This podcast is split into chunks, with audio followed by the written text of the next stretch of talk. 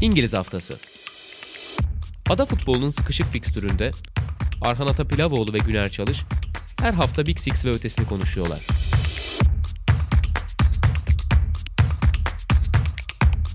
Statsbomb işbirliğiyle. Sokrates'ten, Sokrates Podcast'ten herkese merhabalar. İngiliz Haftası'nın yeni bölümüyle karşınızdayız. Ben Arhan Atapilavoğlu, sevgili Güner Çalış ve Can Önduygu ile birlikteyiz. Öncelikle hoş geldin abi. Hoş bulduk. Çok teşekkür ediyorum davet için. Bu haftaki bölümümüzde tabii ki malum konulara konuşacağız. Dünya Kupası öncesinde bir bölüm kaydetmek istedik. Dünya Kupası'nda da umarım bir bölüm kaydederiz ama e, öncesinde hem İngiltere'ye hem Galler'e ada takımlarına bir uzanacağız ve tabii ki favorilerimiz ve sürpriz adaylarımızı konuşacağız. İlk olarak İngiltere ile başlayalım. Zaten son iki büyük turnuvanın en popüler takımı. Hem 2018'de dördüncülük ve yarı final hem 2020'deki final derken 2022'ye aslında baktığın zaman umutla gelebilecek bir İngiltere beklersin. Yani 2016 Fransa'yı ve 2018 Fransa'yı düşününce. Ama sanki çok da öyle bir hava yok İngiltere'de. Hani it's coming home demek pek mümkün değil diye düşünüyorum. Güner abi katılır mısın? Ya biraz benim diğer takip ettiğim, sevdiğim takım Belçika'ya benziyor bence o anlamda. İki tane kupa oynadılar üst üste. Bu sefer biraz oradan sanki düşecekleri turnuva olabilir o. Yani üçüncü turnuvada artık onun üzerine koymaktan ziyade sanki o tepe noktasını bir önceki turnuvada yaptılar. Burada biraz düşecekler gibi geliyor bana da. Ama tabii bir yandan da sonuçta büyük turnuva her türlü yani sürprize açık. Ama en azından tabii bir önceki turnuvaya göre daha az ne diyeyim iddialı demeyeyim de daha az heyecanlı geldikleri kesin bence de. Yani o turnuva sanki biraz daha bir şeyleri beklediğimiz bir durum vardı. Burada çok fazla sakat oyuncu ve formsuz oyuncu var bence. Esas problem İngiltere adına o gibi gözüküyor. Ya özellikle savunmada mesela büyük problem var bana göre. Hı hı. Abi sana döneyim buradan. Savunmada büyük problem var dedi Güner abi ve hiç haksız sayılmaz. Çünkü Gareth Southgate'in en çok güvendiği oyunculardan bir Harry Maguire. Ama Harry Maguire bir e, kutuplaştırıcı figüre dönüştü e, İngiltere'de. E, sevenler ve sevmeyenlerden ziyade nefret edenler ve o kadar da nefret etmeyenler gibi bir duruma dönüştü. Sen bunun neresindesin? Savunmayı nasıl kuracağını düşünüyorsun? Çünkü Kyle Walker'da güvende değilsin. O sakat. Yani elinde aslında en sağlıklı ve formda bir Connor Cody geldi şu anda aklıma. Onun haricinde çok da istediği gibi kurabilecek gibi durmuyor savunma hattını.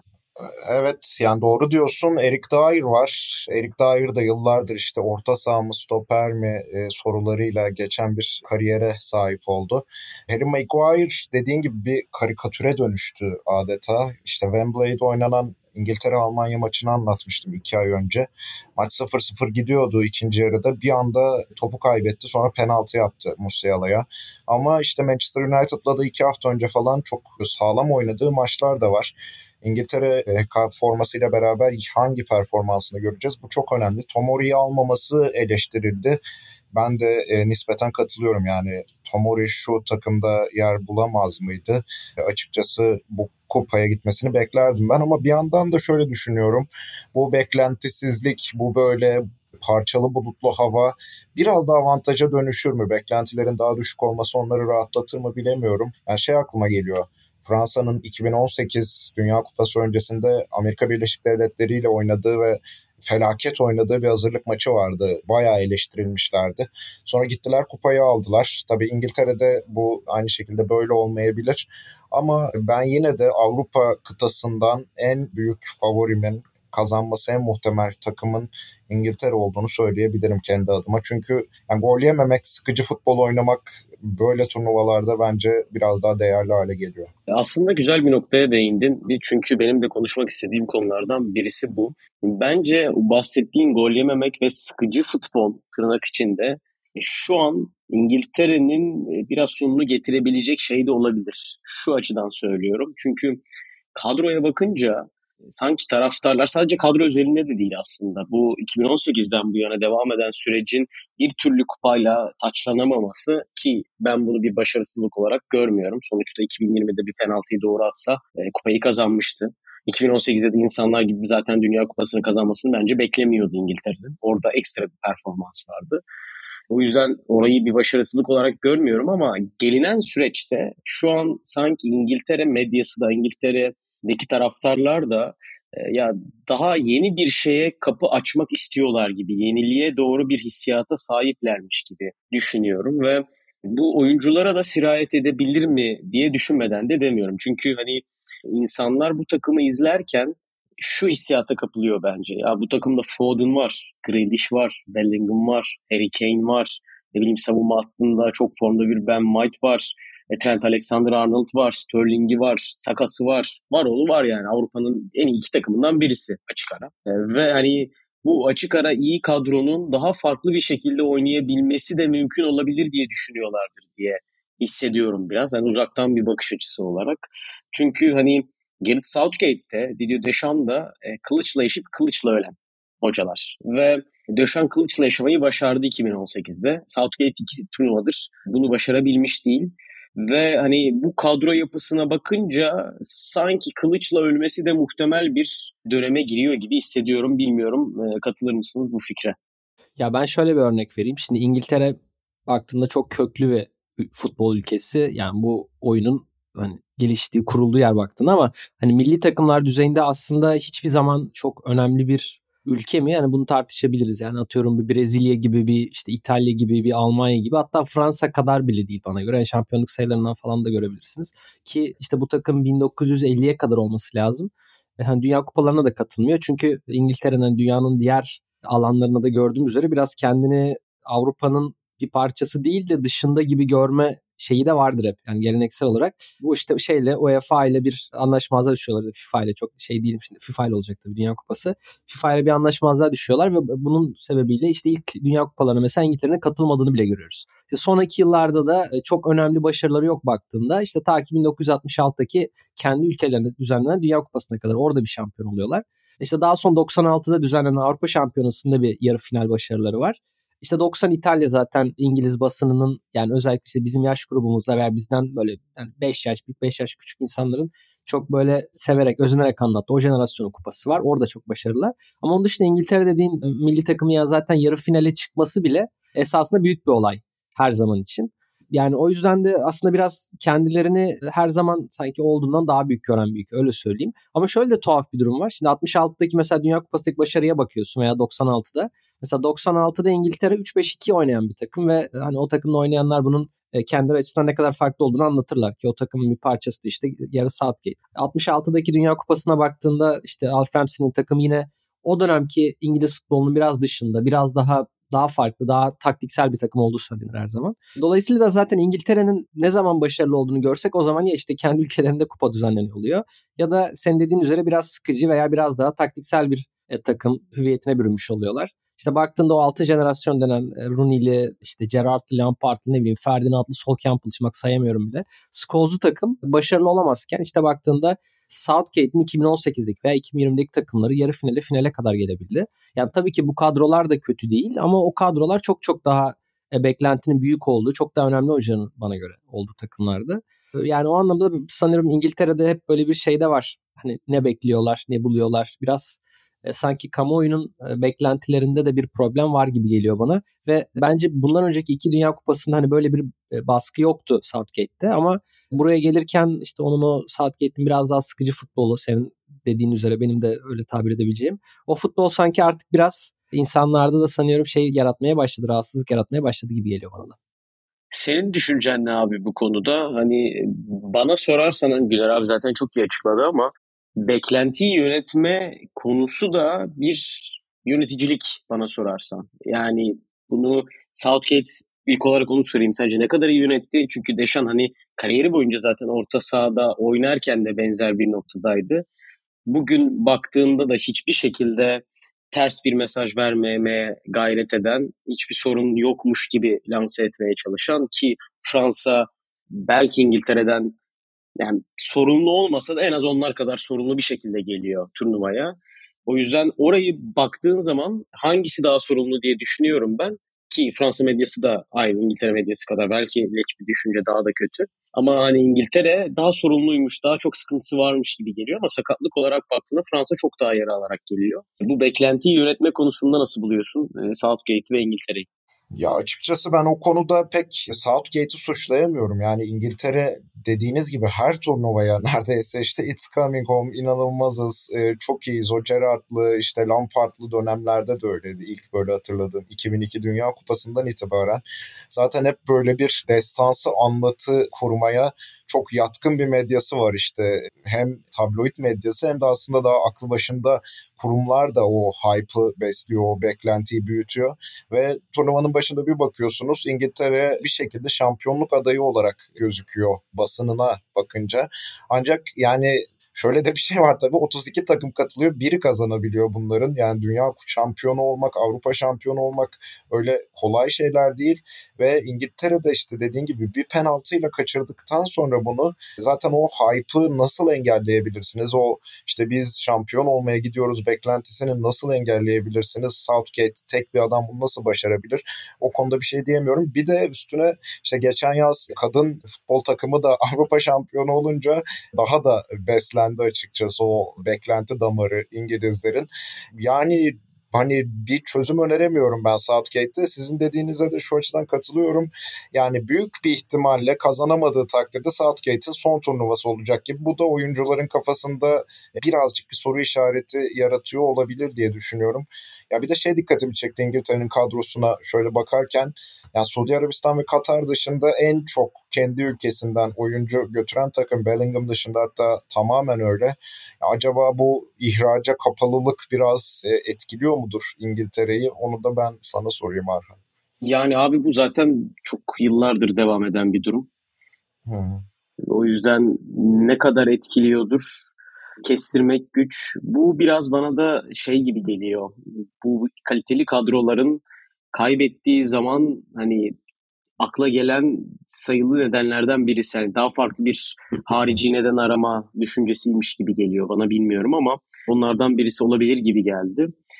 İngiltere ile alakalı aslında biraz savunmayı konuştuk. Orta saha ve hücum hattı ya da genel olarak kadro ile ilgili demek istediğiniz bir şeyler varsa fikirlerinizi alayım. Ardından dilerseniz Galler'e geçelim.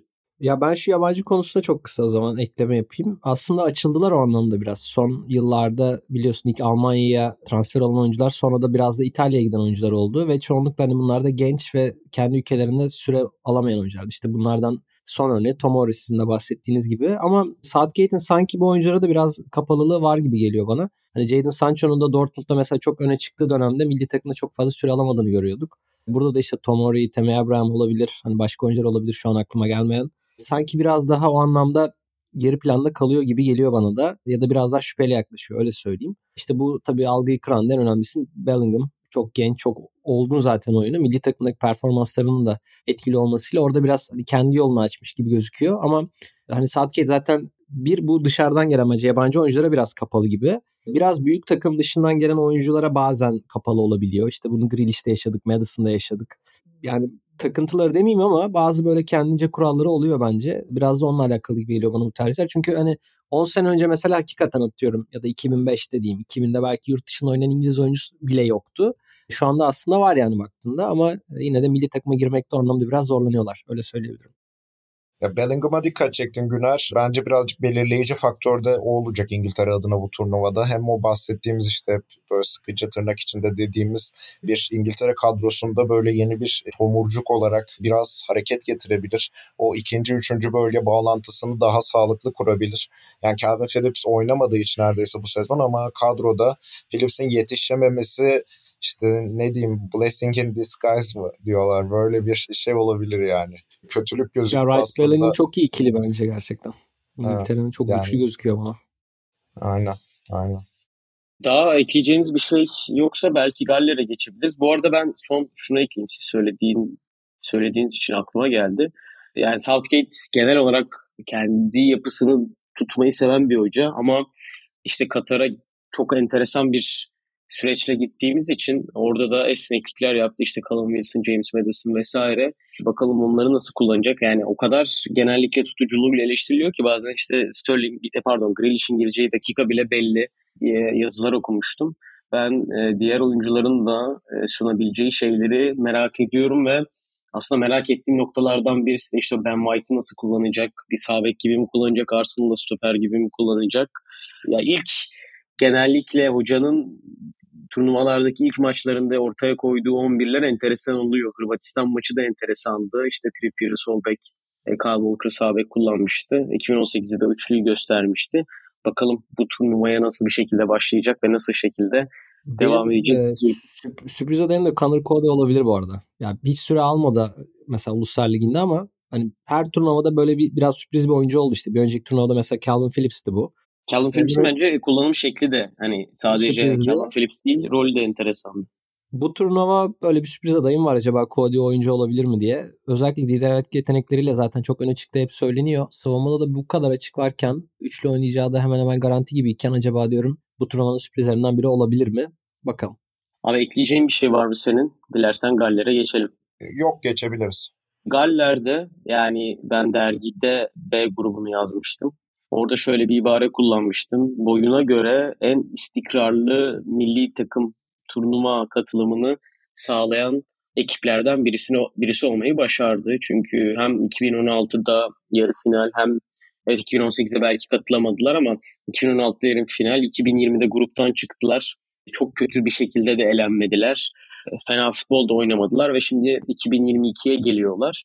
Bu açılardan bakınca, kadro kalitesine bakınca, ülkenin boyutuna bakınca hiç fena olmayan bir istikrardan söz ediyoruz. Ve sanki İngiltere ve Belçika özelinde konuştuğumuz şeyler biraz Galler için de geçerli. Çünkü son turnuva. Evet yani hani Gareth Bale'ın da son turnuvası olacak. Çok muhtemelen Ramsey'nin, Joe Allen'ın son turnuvası olacak. 2016'da zaten bu yapı var olurken vedalaşılan oyuncular vardı. O yüzden net bir şekilde bir son turnuva durumu var. Gruplarını hemen hatırlatalım.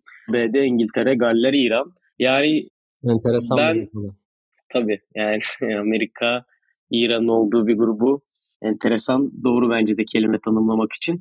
Ama hani şunu söyleyebilirim. İkincilik için muhtemelen mücadele edeceklermiş gibi duruyor. Ben bu sefer gruptan çıkabileceklerini pek düşünmüyorum. Amerika'nın da enteresan şeyler sunabileceğini düşündüğüm için, yoğunlukla fark yaratabileceklerini düşündüğüm için. Ama Amerika'dan da bence en büyük artıları ya Bale'da, e, Ramsey'de kulüp kariyerleri çok çok daha farklı olabilecek iki oyuncuydu. E, Juventus'a kurtarıcı olarak giden bir oyuncu zar zor bu sezon kulüp bulabildi. Bale zaten konuşmaya gerek yok. İki oyuncu da çok daha farklı kulüp kariyerlerine sahip olabilirlerdi ama milli takım kariyerleri de bence bundan daha iyi olamazdı. Lukas yani Bale... Podolski gibi işte mesela.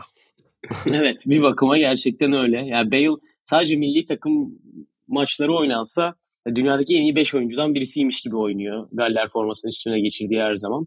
Ve bu ikincilik için yarışacakları Amerika'da olmayan bir şey. Net bir şekilde bunun avantajını da kullanabilirler. Hele hele 10 gün kadar süre kalmışken Döşan e, Atleti'ye verdiği röportajda şunu söylemiş. Evet eksiklerimiz var ama hani bu eksikleri ben yetenek ya da oyuncu kalitesinden ziyade milli takım tecrübesi eksikliği olarak görüyorum sakatlıkları o şekilde yorumlamış Pogba ve Kante'nin olmayışını. Yani milli takım tecrübesi denilince Amerika ile Galler e, belki daha farklı olmasını bekleyebilirsiniz ama net bir şekilde buraları oynamayı bilen oyunculardan kuruldu. Ve onların üstünden oynamayı çok iyi becerdiler son iki turnuvada da. O yüzden ben onların en büyük gücünün bu olacağını düşünüyorum diyeyim ve sizin fikirlerinizi alayım Galler'le alakalı. Can sen başla istersen. Olur. Abi çok güzel bir yerden girdim bence. Ya bence bu takım abi birbirini çok seviyor. Yani onu böyle demeçlerden hissediyorsun, sahadaki futboldan hissediyorsun. İşte bu Ukrayna karşısındaki playoff finalinden sonra Gareth Bale'ın Hennessy hakkında işte bir açıklaması var benim hayatımda gördüğüm en iyi kaleci performansı işte bu adama iyi bakın falan böyle ya birbiriyle oynamaktan keyif alan bir takım ve senin söylediğin o tecrübe de çok önemli. Yine Atletik'in bir e, hesaplaması var. Şöyle her milli takımda en çok milli olan 20 oyuncunun kaç kere milli olduğunun ortalamasını alıyorlar. Katar birinci, Belçika ikinci, Galler beşinci bu sıralamada 30 çıkıyor hesap. O beraber oynamaya alışık olmaları, birbirlerinin nereye gideceğini çok iyi bilmeleri. Ya sen Galler'in gruptan çıkamayacağını düşünüyorum dedim ama dedin ama benim Bence e, ik, ikincilik favorim aynen ya. Bu grupta Galler çünkü Amerika'nın e, birazcık fazla hype'landığını düşünüyorum. O ESPN'ler ABD basını Pulisic scores falan böyle her golünde. Galler'in böyle hani bazı maçlar olur diğer takım daha iyi oynamış gözükür ama biraz böyle fiziksellikle, biraz oyun bilmekle bir takım kazanır o maçı. Ben Galler'in Amerika'ya bunu yaşatabileceğini düşünüyorum. İşte en büyük artıları senin de söylediğin gibi Arhan beraber oynamayı çok iyi bilmeleri ve bundan büyük keyif almaları. Tabii işte Gareth Bale ne kadar fit olacak, 90 dakika çıkarabilecek mi? En büyük soru da bu herhalde. İnşallah çıkar bu arada. Yani ben çıkmalarını çok isterim. Bakalım. Ya bence çok klişe olacak ama hakikaten bu tabirin hakkını veren bir takım. Yani kolej takımı denir ya öyle bir takım bence ya sizin söylediklerinize çok ekstra bir şey eklemeyeceğim. Bence de takımın en önemli gücü zaten çok uzun zamandır birlikte oynamaları ve bu hakikaten birlikte oynamaktan keyif aldıklarını göstermeleri bana göre de. E, biraz da zorunluluktan. Yani Galler küçük bir ülke ve son yıllarda ve çok önemli başarılar elde etti ama hani bu biraz da gerçekten birkaç çok çok önemli oyuncunun aynı döneme denk gelmesiyle alakalı gibi geliyor bana. Yani arka planda tabii hani bilmediğim bir şey varsa hani burada beni düzeltebilirsiniz ama çok böyle ciddi bir işte altyapı yatırımıdır böyle futbol devrimidir gibi bir durum yok. Hani atıyorum Belçika için bu söylenir de veya işte İngiltere için de söylenebilir son yıllardaki çıkışla alakalı. Ama Galler'de biraz işte aynı anda Gareth Bale'ın, Aaron Ramsey'nin, Joe Allen'ın falan bir araya gelmesi, çok iyi bir işte birliktelik falan derken yani bir anda böyle aslında 50 yıldır belki 60 yıldır Dünya Kupası'na katılamayan bir takımın tekrar Dünya Kupası yapması, işte Avrupa Şampiyonası çok önemli yerlere gelmesi ve beklentilerin de çok düşük olmasıyla açıkçası biraz da bu oyundan keyif aldıklarını çok çok daha fazla göstermeleri bana göre. Hani o anlamda da biraz geçtiğimiz yıllardaki İzlanda'ya da benzetilebilir bence.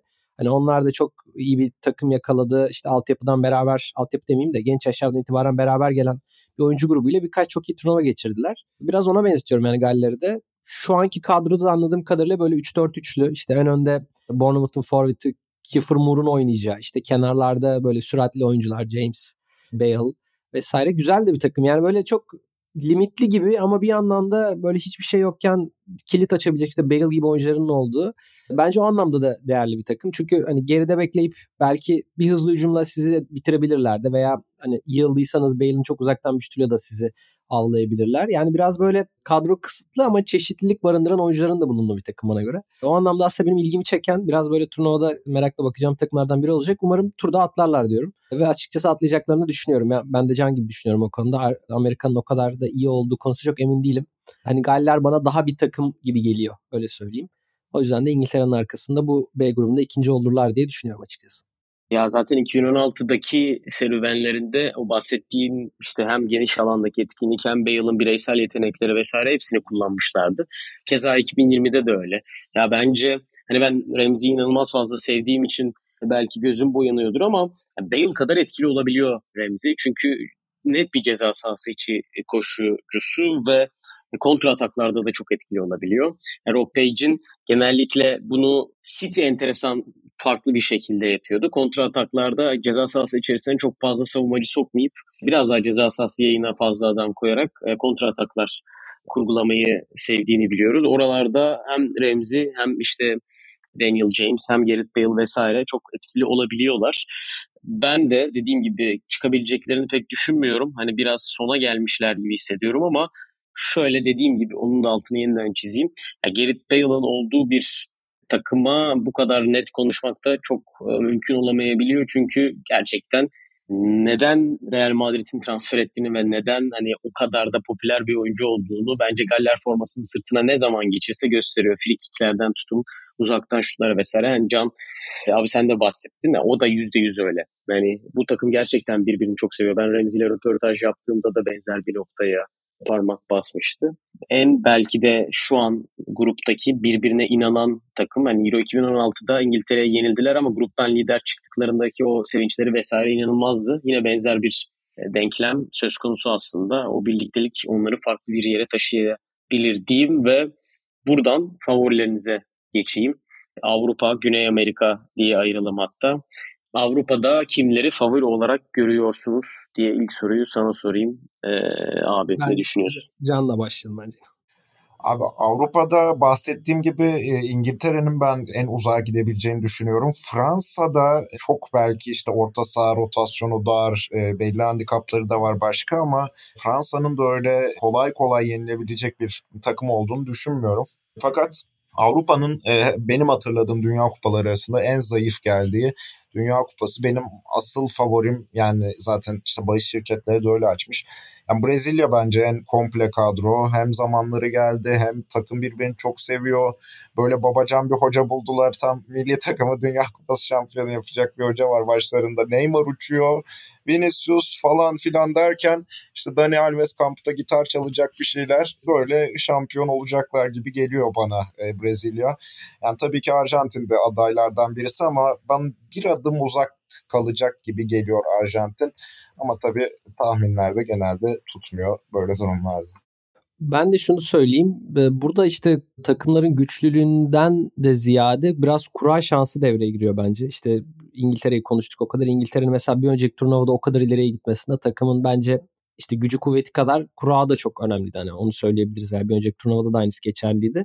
Ya burada da şunu fark ettim ben. Mesela Brezilya'nın gerçekten kurası aslında bayağı zor. Grubu da zor baktığında. İsviçre, Sırbistan, Kamerun. Daha sonra işte şeyler oluyor ya simülatörler oluyor. Orada yerleştirdim her takımı vesaire nasıl gidiyor yolu diye. Mesela Brezilya son 16'da benim tahminlerime göre Uruguay ile eşleşiyor. Sonra İspanya ile eşleşiyor. Sonra Arjantin ile eşleşiyor. Finalde de işte Avrupa'dan çıkacak herhangi bir takım yani. Fransa olur, İngiltere olur, ne bileyim Almanya olur. Yani acayip bir yol bence. Mesela diğer taraftan Fransa'ya bakıyoruz. Hani benim yine e, simülatördeki şeyime göre. İşte Fransa, Danimarka, Tunus, Avustralya son derece kolay bir grup yani baktığında. Hani Tunus ve Avustralya güçsüz rakipler diye düşünüyorum. Oradan çıkınca Polonya ile oynuyor benim tahminime göre. O da bence çok zor bir rakip sayılmaz. E sonra İngiltere ile oynuyor. Hadi bir tane artık güçlü olsun diyelim yani. Ki çeyrek finalde zaten herkesin rakibi çok güçlü olacak. Sonra bir yarı final maçı. E daha sonra finalde karşılaşacak. Yani Fransa'nın mesela atıyorum oraya geliş çok daha kolay. E bir de hani yine önceki turnuvalarda benim fark ettiğim yani birkaç maç üst üste oynayınca özellikle zor maç e, üçüncü maç atıyorum özellikle çok zor geçe, geçebiliyor. Yani Brezilya'nın mesela Uruguay karşısında 120 dakika oynayıp işte sonra İspanya karşısında çok zorlanıp Arjantin karşısında çıktığını düşünün mesela. Hani o anlamda turnuvanın hani finale çıkacak veya şampiyon olacak takımını kura da çok belirleyebilir gibi geliyor bana. Yoksa ben de açıkçası hem Arjantin'e mesela Brezilya çok daha kuvvetli buluyorum. Yani bu turnuvanın en önemli iki favorisi bence onlar olabilir. Senin de dediğin gibi Can yani Avrupa biraz bence zayıf geliyor. Hani işte Arjantin'in bir yenilmezlik serisi var. E, Brezilya zaten çok kuvvetli dediğin gibi. Ama hem Arjantin hem Brezilya'nın bence kura yolu epey zormuş yani ben onu fark ettim. O yüzden de sanki Avrupa'dan bir takım sıyrılıp alabilir gibi geliyor bana. Ki ben Fransa'yı mesela çok beğenmiyorum yani şey anlamında işte sakatları var. Takım bilmiyorum yani Döşam'la bir turnuvada oraya gelebilecek seviyede mi mesela? Bu Döşam'a eleştiri değil ama Mesela ama Fransa yolu çok daha kuvvetli gözüküyor. O anlamda da e, biraz beklenmedik bir Avrupa şampiyonu çıkabilir gibi geliyor bana. Ha bu kim olur? İşte Fransa mı olur, İngiltere mi olur? E, atıyorum Almanya mı olur? Ondan çok emin değilim. Ama ben hani Arjantin'in mesela kazanmasını isterim bu turnuvayı. Arjantin de o anlamda sanki biraz daha önde görüyorum Brezilya'dan. Ama e, Avrupa kulüpleri, Avrupa ülkelerinin de sanki daha ön plana çıkacağını düşünüyorum. Kuraya bağlı olarak öyle söyleyeyim. Ben dediklerinize ek olarak şuradan alayım sözü, Brezilya'dan alayım. E, Güner abi kura e, hususundan bahsetti.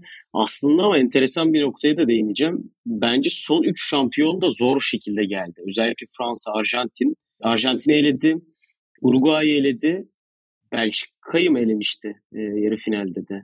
Belçika'ya eledi geldi. 2010'da ona hatta geçenlerde program hazırlanırken bakmıştım. Portekiz'i eledi İspanya.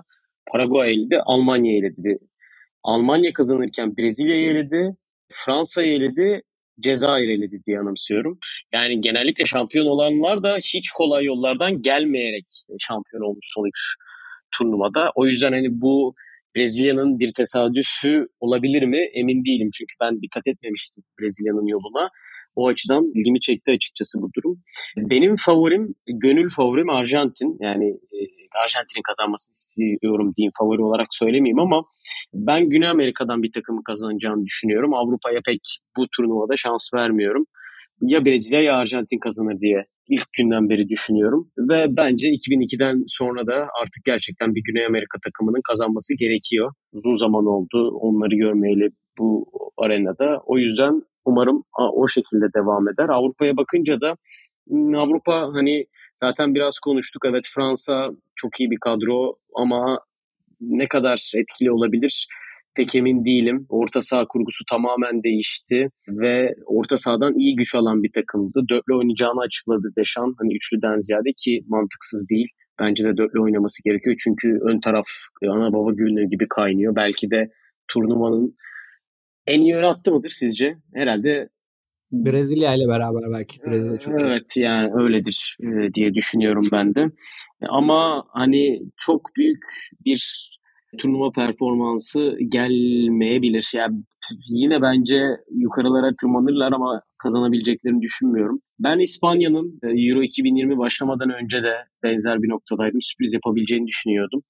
Yine bu turnuvada da beklentilerin aksine enteresan sonuçlar çıkartabileceklerini düşünüyorum. Şu yüzden çok hani bunu Southgate de söyledi, Deschamps da söyledi. Zaten e, yoldan geçen birisi de söyleyebilir. Bir hafta çalışma süreleri var ve bence İspanya e, bu milli takımlar arasında ne yaptığını en iyi bilen takım. Yani daha doğrusu neyi oynamak istediğini çok iyi biliyor bu takım ve çok uzun süredir bu pratiğini yapıyorlar. Evet kağıt üstüne bakınca diyebilirsin ki ya tam tersi olması gerekmez mi? Ama hani e, çok uzun süredir bunun pratiğini yaptıkları için bir fark yaratabileceklerini düşünüyorum diğer takımlara nazaran. O yüzden İspanya'yı gelişen ve hani turnuva tecrübesi de elde ettiler. Hem Euro 2020'de hem Uluslar Ligi'nde farklı noktalara taşıdılar kariyerlerini genç oyuncular olmasına rağmen. Kupa kazanabilecek bir performans e, sergileyemezler bence çünkü net bir bitiricilik sorunları var. Ve bu kadar hani kulüp takımı gibi oynarken o bitiricilik sorununu çözebilmek kolay değil. E, o yüzden sanmıyorum ama e, Avrupa'dan bir sürpriz söylemem gerekirse de İspanya'yı söyleyebilirim herhalde. Arhan bir de demin bana iki maçı hatırlattın aslında. Şey Fransa-Almanya maçı 2014'te Hummels atmıştı galiba orada golü. 2018'de de Belçika-Fransa orada da bir korner golü. Kimpembe miydi? Bir stoper atmıştı. Yani böyle Ha Umtiti. Yani böyle bir maç, bir iki maç geçiyor ve bu maçların hangi tarafa kırılacağını tahmin etmek çok zor. Yani takımlar e, bile tahmin edemez bunu. Dolayısıyla hani böyle sıkı geçen, yakın geçen maçları böyle kim garip bir golle açacak bunu kestirmek de bir ayrı zor olduğu için öyle işte büyük tahminler genelde yanlış çıkıveriyor böyle turnuvalarda. Ya, tabii ki zaten hani 2018 bence İngiltere'nin bir yolculuğu varsa duran toplar sayesinde oldu. Daha geçenlerde baktım 12 golün 9'unu duran toplardan atmışlar. %75 eder. İnanılmaz bir sayı. Evet Akan golü yoktu neredeyse adam durmadan penaltı atıyordu. Euro 2020'de İspanya %50'sini atmış, İtalya %42'sini atmış. Ligde genellikle bu sayılar %18, %19, %20 civarı olur. Yani 5 golün bir tanesi duran toptan gelir. Burada ise tam tersi. Neredeyse iki golden bir tanesini duran toptan bulabiliyor takımlar ki bence bu turnuvada çok daha fazla değerli olacak. Çünkü bahsettiğim gibi 7-8 gün çalışacaksınız. E, duran top yani Gianni Vion'un dediği gibi yani bir forvetin sakatlanabilir, yıldız oyuncun olmayabilir ama duran top her zaman var ve müthiş bir şekilde yani sınıfsal farkı ortadan kaldırıyor. Her takımın uzun oyuncusu var. Biraz çalışmayla, doğru çalışmayla farklı şeyler yaratabilirsin. O yüzden hani biz YouTube'daki programda da konuşmuştuk mesela. Ekvator buna özel çalışmalar yapıyormuş. Ben kesinlikle duran topu iyi kullanan takımların e, ekstra fark yaratabileceğini düşünüyorum. Çünkü hemen her takım üçlü deniyor. Hemen her takım savunmasını muhafaza etmeye çalışıyor. Yani çok öyle aman aman oynayalımdan ziyade birbirine benzeyen çok takım olacak. O yüzden duran top o farkı yaratan unsurlardan birisi olabilir gibi geliyor bana. Ben de şunu demek istiyorum. İspanya'da mesela ben de bu arada İspanya'yı bayağı merak ediyorum. Yani biraz heyecan e, veren takımlardan biri mesela bu turnuvada.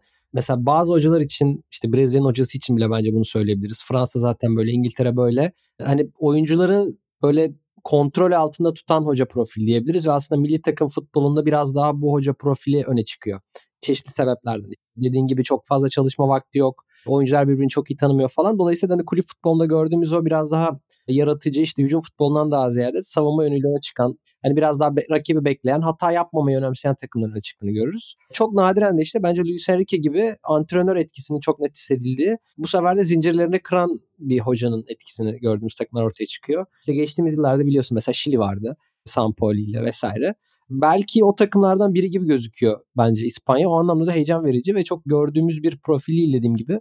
O anlamda benim de ilgimi çekiyor yani ben de onu söyleyeyim istedim. Bir de ben bilmiyorum çok etki eder mi ama belki siz de konuşmak istersiniz. Yani Katar'a tepkiler biraz daha Avrupa ülkelerinden geliyor açıkçası ve bu tepkilerin oyuncuların konsantrasyonu, ruh hali, işte oynanacak oyuna etkisi falan sanki bana olabilir gibi geliyor. Yani böyle tam konsantre belki o turnuvada kendilerini bilmiyorum sergileyemeyebilirler. Hani Güney Amerika'dan bahsediyor, bahsediyoruz neticede. Arjantin'de ve Brezilya'da ise bu anlamda bir tepki reaksiyon olduğunu çok da düşünmüyorum ben. Yani belki bu anlamda da bu Güney Amerika ülkelerini belki Avrupa'nın biraz önüne geçirebilir. Ya bilmiyorum çok alakası bir şey midir ama e, o da benim düşündüğüm bir şey açıkçası. Olabilir ya olabilir yani gerçi düdük çaldıktan sonra bilmiyorum hani hatırlarlar mı nerede olduklarını ne yaptıklarını falan bayağı bir savaşırlar gibi geliyor. Bir de şeyi diyeceğim e, o zaman Eddie Howe'la 2026 Dünya Kupası İngiltere'ye hayırlı olsun diyebiliriz son konuştuklarımızdan yola çıkarak. Ben Thomas Tuchel diyorum. Tuchel mi? Haberler de çıkmış çok çok ideal. Ya Chelsea'ye ne kadar uyuyorsa bence İngiltere'ye de aşırı uyuyor. Ve şunu da düşünüyorum bu arada. Biz YouTube'da bir program yaptık. Muhtemelen bu yayınlandığında yayınlanmış olacak. Emre abi şey dedi. Milli takımlarda gerçekten elit antrenör seviyesi çok azaldı ve Luis Enrique bence en elit antrenör. Yani bir kulüp takımına şu an rahatlıkla gidebilecek tek antrenör diye. Bence biraz Şirazi ilerleyen zamanlarda kayacak milli takımlara. Klopp çünkü yavaş yavaş sanki böyle yavaş yavaş değil mi? Bir sene içerisinde değil. Birkaç sene içerisinde milli takım zaten Almanya'yı çalıştırmak istediğini biliyoruz. Guardiola'nın zaten kariyerini milli takımla sonlandıracağını biliyoruz. Tuhal eğer gelirse oraya bir kayışı açabilir gibi hissediyorum. Enteresan da olabilir yani hocaları oralarda izlemek. O da farklı bir duygu yaratabilir. Evet. Nasıl ilerleyelim? ee, şöyle sorayım ben. Çok kısa kısa hiç konuşmadığımız takımlara değinelim. Belçika'yı konuşalım kısaca bir. Hiç girmedik. Evet. Belçika kısmına. Ben severim biliyorsun Belçika'yı. Evet. Ya şöyle benim zaten şöyle takımlar ayırdım mesela kendimce. işte hocasından dolayı ilgi duydum takımlar. Mesela bir Belçika yani. Benim onun dışında Belçika'yla bir alakam yoktu. Martinez'i ben sevdiğim bir hoca olduğu için takip ediyorum. Ama Belçika'da biraz yolun sonuna gelmiş gibi duruyor ve anladığım kadarıyla aslında artık Belçika'nın kendi basınında da hocaya eleştiriler ortaya çıkmaya başlamış. Ki e, benim işte Everton'da ve Wigan'da demeyeyim de Everton'da da çok alışık olduğum, takip ettiğim bir eleştiri biçimiydi o işte hocanın çok pozitif olması, belli oyunculara çok güveniyor olması, kendini değiştirmekten kaçınıyor olması üzerinden falan eleştiriler geliyormuş. Bunlar zaten Martinez'dir yani. Biraz belli oyunculara çok bağlıdır, çok fazla pozitiftir. Yani olmayacak şeyi öyleymiş gibi söyler falan. Ya Belçika yaşlandı. İşin özü bu ve yerine de yeni oyuncuları pek koyamadılar. Temel problem bu gibi gözüküyor. Yani alttan gelen oyuncularda aslında biraz var. Yani tabii ki atıyorum Hazard, işte De Bruyne, Lukaku seviyesinde değil ama e, anladığım kadarıyla o geçişte çok iyi yapamadılar. Yani hala eski oyuncuların çok fazla süre aldı bir takım. Temel problem de bu gibi gözüküyor ve bunun üzerinden de dediğim gibi ülkede basında biraz artık hocaya eleştiriler olmaya başlamış. Bu kupada da valla bilmiyorum. Yani gruptan çıkacaklar tabii o kesin de. Daha sonra yani son 16'da bile elenebilirler bence. Çünkü yolları da zor yani. Onlar son iki turnuvadır hep bu yola, böyle yolları seçiyorlar. O da enteresan. Yani ya İspanya ya Almanya ile oynayacaklar son 16'da direkt orada gidebilirler gibi geliyor bana. Orayı geçerlerse ben başarıdır diyorum turnuva için. Belçika'nın en yaşlı ikinci kadro olması inanılmaz bir şey bence. Yani yaşlandığını hissetmek istiyorsan buraya bakabilirsin gibi bir görsel. İran'dan sonraki en yaşlı kadroymuş. Gerçekten şok edici. Bu jenerasyonun işte inanılmaz bir jenerasyon vesaire derken en yaşlı kadroya dönüşmeleri ilginç. Bu Martinez'in çok güzel bir sözünü söyleyeyim oradan pas atayım abi sana. Nerede pres yapacağımızı ve nerede kompakt kalacağımızı çok iyi belirlememiz gerekiyor. Çünkü yaşlı bir geri hatta sahibiz. Bu yüzden bu ilk üç maç bizim için çok iyi geçmek zorunda değil ama çok öğretici, öğretici geçmek zorunda demiş. Bence çok güzel taktiksel bir analiz yapmış kadrosuyla alakalı. Ben de hali merak ediyorum Belçika'yı. Belki de en sorunlu şekilde geldikleri de turnuva aynı zamanda. Çünkü Lukaku zaten en uçta bir problem. Geri hat ayrıca bir problem. Evet orta saha hala çok şey vaat ediyor. Ama belki de aynı zamanda şunu söyleyeyim. Kevin De Bruyne'nin üstüne tamamen yüklenildiği de ilk turnuva olabilir sanki. Evet doğru. Ve abi... Bir turnuva mesela Lukaku'ydu yıldız bence. Mesela burada De Bruyne net. Pardon. Yok yok şey ya Lukaku'nun nasıl döneceği gerçekten çok kritik ve ben yani asla iyi bir Lukaku göreceğimizi düşünmüyorum. Çünkü o fizikte bir adamın toparlanma süresiyle atıyorum Azar'ın toparlanma süresi aynı olmaz. Belçika işte o geri at hakikaten yaşlı hala Alderweireld Vertonghen oynuyor. 150 kere falan milli olmuşlar artık. Woodface bunun içine girer mi? Böyle bir soru işareti var kafamda. Ama De Bruyne'nin de aynı zamanda hani muhteşem bir oyuncu, harika harika bir zeka ama böyle bir büyük turnuvası işte Premier Lig'i kenara koyarsak Şampiyonlar Ligi ya da işte milli takımla bir kupası yok ve onun da böyle bir iz bırakmak için belki de son şansı olacak. Belçika'yı izlemek pek çok açıdan ilgi çekici olacak ve gerçekten biz de yakında ölürüz. Yani bu takımın yaş ortalaması 29'u bulduysa yavaş yavaş biz de artık veda edelim dünyaya. Şey bu arada yani adamlar emekli olana kadar oynuyor gerçekten. Emekli olunca çıkıyorsun kadraja. Kompany emekli oldu çıktı. diyorsun ya Vertonghen işte var mesela diyorsun. Emekli olana kadar oynuyor. Vermaelen öyleydi mesela. Emekli olana kadar hala o geri üçlüdeydi. Ya Vermaelen'in o şeyde ha. yardımcı antrenör olması inanılmaz. Evet, evet, evet aynen. Hani falan var. Arjantin'in staff da çok enteresan. Acayip. Aynı var. Alter Ayala. Samuel, Ayala. Yani Evet. şey gibi bizim Euro 2020 kadrosu gibi Tümer, Tuncay, Nihat. Ama onu öylesine getirmiş Fatih Hoca. Bu da bayağı yardımcı antrenör olmuşlar yani. Evet. Gerçekten enteresan bir durum. Hızlı bir Almanya alayım. E Çünkü herhalde Almanya çok enteresan bir noktada bence. Kimse çok fazla değinmiyor. Evet tamam gümbür gümbür gelmedikleri aşikar ama ben biraz Flick'i açılması gerektiğini düşünüyorum. Yani ekstra bir parantez açılmasının gerektiğini düşünüyorum.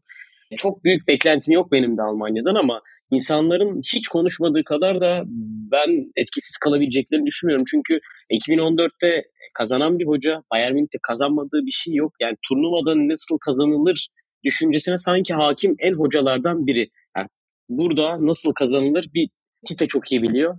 Bir de Hans Flick çok iyi biliyor gibi şu an bir zihnimde tarayarak söyledim. O yüzden hani duran toplarda da bu arada 2014'te sorumlu kişiydi. Bayern Münih de duran toplardan final 8'de enteresan şeyler sundu. O yüzden ben Almanya'nın bu kadar da fazla örselenmemesi gerektiği taraftayım. Bilmiyorum siz ne düşünüyorsunuz? İki, Ben iki şey söyleyip hemen. Güler'e pas atayım. Abi o duran top hocasını. Fra- Galiba Freiburg'daydı abi bu geçtiğimiz sezon. O e, ismini bilmiyorum. E, 2014'ün duran top hocası Almanya'da. Ve Freiburg inanılmaz bir fark yaratmıştı duran toplardan. Bütün o metriklerde çok açık farkla öndeydi. Bir de şunu söyleyeyim. Hansi Flick diyor ki 2020'de pandemi arası girdiğinde kimse Bayern Şampiyonlar Ligi şampiyonu olur demiyordu diyor.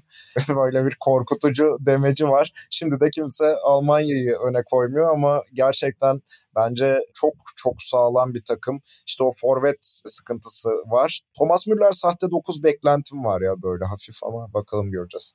Ben Ya de bu ben- arada Musiala'nın çok enteresan bir turnuva geçirebileceğini düşünüyorum. Abi ben ne bekleyeceğimizi bilmiyorum ya bekleyebileceğimiz. Yani şeye benzetiyorum. İşte İspanya'nın 2008-2012 arası çok güçlü olduğu sonra bir bence Luis Enrique gelene kadar böyle bir boşlukta olduğu bir dönem var ya. İşte Almanya'da sanki Löw sonrası biraz öyle bir dönemde. Yani bir atılım yapacağı da işte ben tekrar oradayım diyeceği bir turnuvaya ihtiyaçları var gibi geliyor ama bilemiyorum. Yani bir şey diyemeyeceğim o yüzden. Ben çok mesela beklentim yok benim de. Ama sonuçta Almanya yani bahsettiğimiz takım. Hans Flick de hakikaten değerli bir hoca. Yani oyuncu kadrosu hiç kötü değil zaten. Yani yarı final oynasa final oynasa şaşırmayayım. Hiç zannetmiyorum şaşıracağımı. Ki bunun bir sebebi de işte programın önceki kısmında söylediğim gibi kuralları da bence fena değil yani. İşte atıyorum Belçika'yı eleseler orada. Daha sonra Portekiz veya İsviçre geliyor. Bence tartışılır. Çok güçlü mü değil mi konuşabiliriz. Yani en azından Arjantin'de Brezilya'nın geçtiği yollardan daha kolay bir yolla mesela finale ulaşabiliyorlar gibi geliyor bana. O yüzden de evet yani finalde mesela Almanya'yı görsek çok şaşırmam gibi ama çok beklenti içinde olduğum, merakla beklediğim bir takım mı dersen benim değil mesela. Yani İspanya için söylediğim şeyi burada çok söyleyemiyorum kendi adıma. Bence işte biraz Euro 2020 İspanya eşleşmesi gibi olacak. Senin dediğin güzel bir nokta. Hani ben buradayım dediği bir turnuva olabilir. Yani beni hiçbir zaman hafife almayın dediği bir turnuva olabilir. Diyeyim biraz hızlanalım. Tamam. Ee, Portekiz'i hiç konuşmadık. Çok enteresan. Bence olmayan bir hava yaratılıyor. Bence kötü geçecek. Bence Portekiz'in akıbetini Bernardo'nun ne kadar iyi oynayıp oynamadığı şey yapacak. Kadro Belirleyecek acayip çünkü. iyi ama yani bilmiyorum. Ben çok güvenmiyorum Portekiz'e.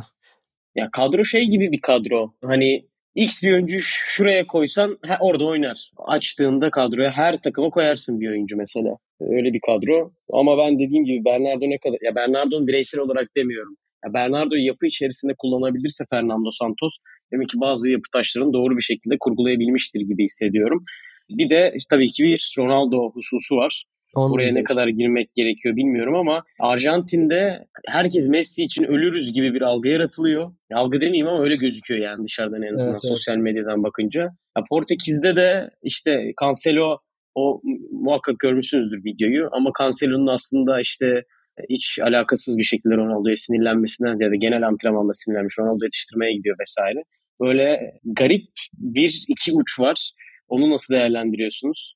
Ben Can'a vereyim sözü. Biraz konuştum. Ya da abi işte Bruno Fernandes'le çıkan o videosu servis edilene kadar ne bileyim kimse mi bir şey demedi. Böyle hafif bir hedef saptırma, ortalığı dağıtma şeyi olabilir de gibi geliyor. Terse yatırıyor olabilirler hepimizi gibi hissediyorum. Şöyle bir tartışma var galiba Portekiz'de. Ben öyle bütün maçlarını falan izlemedim ama Bruno Fernandes'le Bernardo Silva'nın ikisinden biri oynadığında takımın daha akıcı olduğu söyleniyor. Senin dediğin gibi işte çok kaliteli oyuncuları var ama şöyle bir durum da var abi. Cancelo ile Bernardo Silva'nın performansını biz Manchester City'de görüp Guardiola takımında görüp biraz hevesleniyoruz. O işte nüansları Fernando Santos yaratabilir mi? Ben yine işte Portekiz e, Twitter'ından böyle birkaç kişiden gördüğüm kadarıyla e, onun da futbolu bayağı bir eleştiriliyor Fernando Santos'un ve Cristiano Ronaldo'yu da kesmeyecek gibi gözüküyor. Ben Şu an e, Cristiano Ronaldo'yu kesmek kelle kesmekten daha kolay evet. e, bence. Santos evet. için. İşte bu bir handikap abi bence. Cristiano Ronaldo yani Dünya Kupası şampiyonluğu yaşayabilir mi bu seviyesinde? Yani takımı taşıyabilir mi? Ben bayağı düştüğünü düşünüyorum ya bu sezon fiziksel olarak bilmiyorum. Ben de işte iki sebepten çok mutlu görmüyorum açıkçası. Birincisi dediğiniz Ronaldo olayı. Yani hem oyuncuyu oynatma zorunluluğu gibi bir durum var hem de yani o seviyede değil artık dediğiniz gibi de yani esas olarak zaten takım içinde yarattığı bir huzursuzluk var. Bu illaki etkileyecektir bence performanslarını. Ama ondan önemlisi yani hakikaten çok iyi bir oyuncu grubu var. Ama bu oyuncu grubu artık Fernando Santos'u sanki miadını doldurdu gibi geliyor bana. Yani atıyorum 5-6 sene önce belki daha doğru bir hoca profiliydi. Ama şu anki oyuncularla sanki daha çılgın, daha böyle işte 6 gol atıp 3 gol yiyecek falan bir hocayla sanki daha iyi bir performans verebilir ya da sanki oraya gitmesi gerekiyor artık gibi geliyor bana Portekiz'in. Hani yıllar yılı hep böyle kupa kazanamayan bir takım, iyi bir takım gibi gözüküyorlardı. Kupayı da kazandılar artık. Hani biraz daha sanıyorum kendilerini serbest bırakıp bu potansiyeli açığa çıkarmaları gerekiyor gibi geliyor bana ki yani Portekizli hocaların ne kadar fazla olduğunu, ne kadar çok ve çeşitli olduğunu da biliyoruz. Ben hani şu an şu isimdir diyemeyeceğim ama yani içlerinden illaki böyle biri de vardır herhalde. E, hani o yüzden de belki kötü bir turnuva sonrası Santos'un gidişiyle yeni bir yola girebilirler gibi geliyor bana. Ben çok mutlu değilim bu turnuvadan Portekiz'den. O zaman diğer yakaya geçelim. Kısaca zaten biraz bahsettik ve programın sonuna gelelim. Arjantin tarafına biraz konuşalım. Sizce onu sorayım size. Hani Messi'nin en çok kazanmaya yakın olduğu turnuva gibi e, lanse ediliyor. Tabii ki 2014'te finale çıktı. O ayrı bir konu ama burada Copa Amerika'yı kazanması, öncesinde bir yarı final oynamış olması, milli takımda da bir e, kupa kazanmış olmanın verdiği rahatlıkla geliyor. Çok daha iyi bir kadroyla gelmiyor kesinlikle. 2014 ve 2018'de daha farklı opsiyonları olan, daha hücum zenginliği olan bir kadroydu. Ama şu da bence rahatlıkla söylenebilir. Daha dengeli bir kadroyla geliyor. Çünkü orada dengesiz ve savunmacı yok. Ol- evet yani işte biraz hücumda hani FIFA kadrosu gibi bir takım da Arjantin. Evet, Icardi'si, 6 tane forvet. Agüero'su aynen yani 4 4-0-6'lık e, bir kadroydu.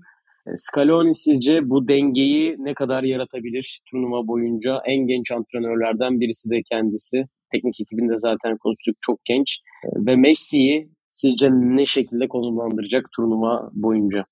Kim başlasın?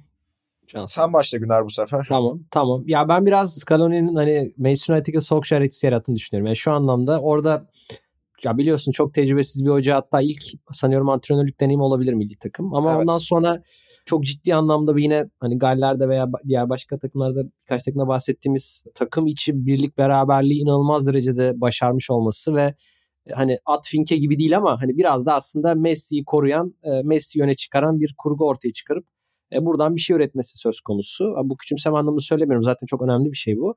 Ve hani 35 maçtır galiba yenilmeyen bir yenilmezlik serisi olan bir takım ortaya çıktı. Hani bu anlamda olacak evet, galiba. Ya biraz mesela İtalya'ya ben aklıma getiriyor benim. Ee, bir önceki yani, turnuvada İtalya'nın buraya da bu kadar yani yenilmez bir şekilde gelmesi, çok iyi bir havayla gelmesi ve bu hava çok önemli gerçekten. Ve diğer turnuvalardan farkı işte biraz bahsettik. Mesela bence savunma attı veya kalecisi de bu turnuvada açıkçası çok iyi. Önemli bir seviyede en azından. Hani belki world class değil ama e, diğer turnuvalardaki kadar takımı geriye düşüren bir durumda da değiller. Çok daha dengeli gözüküyorlar. Ve aslında taraflısın beklenen... kardeşim. Taraflısın. Aston Villalı diye. Aston Villalı diyor mu adamı? Evet, ama yok yani iyi kaleci canım şimdi oradaki penaltıları. Bence bu arada en kaliteli değil ama en gerekli kaleci Martinez. Evet evet ya onu diyecektim. Lider yani mesela. Orada yanlış hatırlamıyorsam şey diye sözü vardı galiba değil mi? Hani e, Messi için kazanacağız kupayı. Hani onun için almamız gerekiyor falan gibi sözleri de vardı. Zaten Messi ve on, geri kalan 10 kişi gibi ya şu an Arjantin. Evet yani biraz da beklentilerin anladığım kadarıyla çok çok yüksek olmadığı da bir durumdalar. Yani evet hava çok iyi ama bir yandan da mesela Brezilya'da bence beklenti çok yüksektir abi öyle söyleyeyim. Ama Arjantin biraz daha olumlu bir havayla gidiyor olabilir gibi geliyor bana. Bir de bence mesela Brezilya ile Arjantin arasındaki temel farklardan biri o. Ülke kültürüyle bağdaştırıyorum şu anda. Hani Brezilya biraz daha böyle teknik, işte biraz daha hakikaten oyundan keyif alan falan. Ama Arjantin biraz daha böyle duygusal, daha duygularıyla oynayan, biraz daha hani savunma yapmaya da yatkın, daha böyle savaşma kültürünün olduğu bir futbol kültürüne sahip bana göre. Sanıyorum işte Skolan demiş yani yap, geldiğimizde yapmak istediğimiz ilk şeylerden biri tekrardan bu ülke adına, bu forma adına oynamak isteyen, bu formanın ağırlığını hisseden oyuncuları bulmak, bu kültürü yaratmaktı. Bu çok da zor olmadı diyor. Yani duygusal bir takım tırnak içinde bence öyle söyleyeyim ve nereye kadar gidecekler ben de merak ediyorum. Ben kazanmalarını istiyorum ve açıkçası favorim de diyebilirim yani Arjantin için. Öyle söyleyeyim. Ben de kazansınlar hiç üzülmem. Scaloni ama şu an şeyi düşünüyordur bence ya. Şöyle 2-3 ay önce bir tane maçı kaybetseydik de şu 35 maç 3 yıl muhabbeti olmadan sakin sakin gelseydik diyordur kendi içinden diye düşünüyorum. Abi de beni biraz artık korkutmaya başladı bu Arjantin milli takımı. Yani şeye dönüştüler. Külte dönüştüler. Böyle kupayı falan kazanırlarsa yanlışlıkla toplu intihar bekliyorum ben de soyunma odasında. Böyle şey bir final. Senin için kazandık Leo falan deyip böyle kapıyı çalacaklar açmayacak kimse. Ama bu adanmışlık, bu bağlılık bakalım nereye kadar götürür ya. Hiç şaşırmam. Hiçbir sonuca şaşırmam Arjantin'de. Yani ben de zaten benzer cümleler söyledim programın başında. Umalım ki herkesin memnun olabileceği bir final olsun. Portekiz Arjantin Son şey finalini görelim. Dark Horse sürpriz adayınız var mı? Şu Sırbistan. Çıkarma ama gruptan. Ben gruptan çıkacağım bile şüpheliyim yani. Katılıyorum. Sırbistan bence iyi. Ya şu açıdan ben Sırbistan'ı biraz ön plana koyuyorum. Hem üçlü oynuyorlar hem çok formda geliyor Mitrovic. İşte Kostic çok iyi bir kanat bek. Euro 2020'de kanat bekin önemini gördük. O yüzden bir Sırbistan'dan bir şeyler bekliyorum. Kadro İkincisi... acayipmiş ama cidden Sırbistan ya. Gördüm ben de. Acayip yani. Evet. Gana diyeyim ben de ya. Hoş geldin 2010. Güzel. Ben de son şeyi söyleyeyim. Uruguay ve Danimarka'da benim böyle biraz daha sempatik bulduğum, sempatiyle yaklaştığım takımlar. Onlara da böyle bir başarılar diliyorum ikisine de. Çeşitli sebeplerden Uruguay ve Danimarka. Var şöyle takımlar belki. Japonya da enteresan olabilir bu arada. Evet, evet. Japonya bilmiyorum ben hiç valla bir şey söylemiyorum. Bir fikrim yok.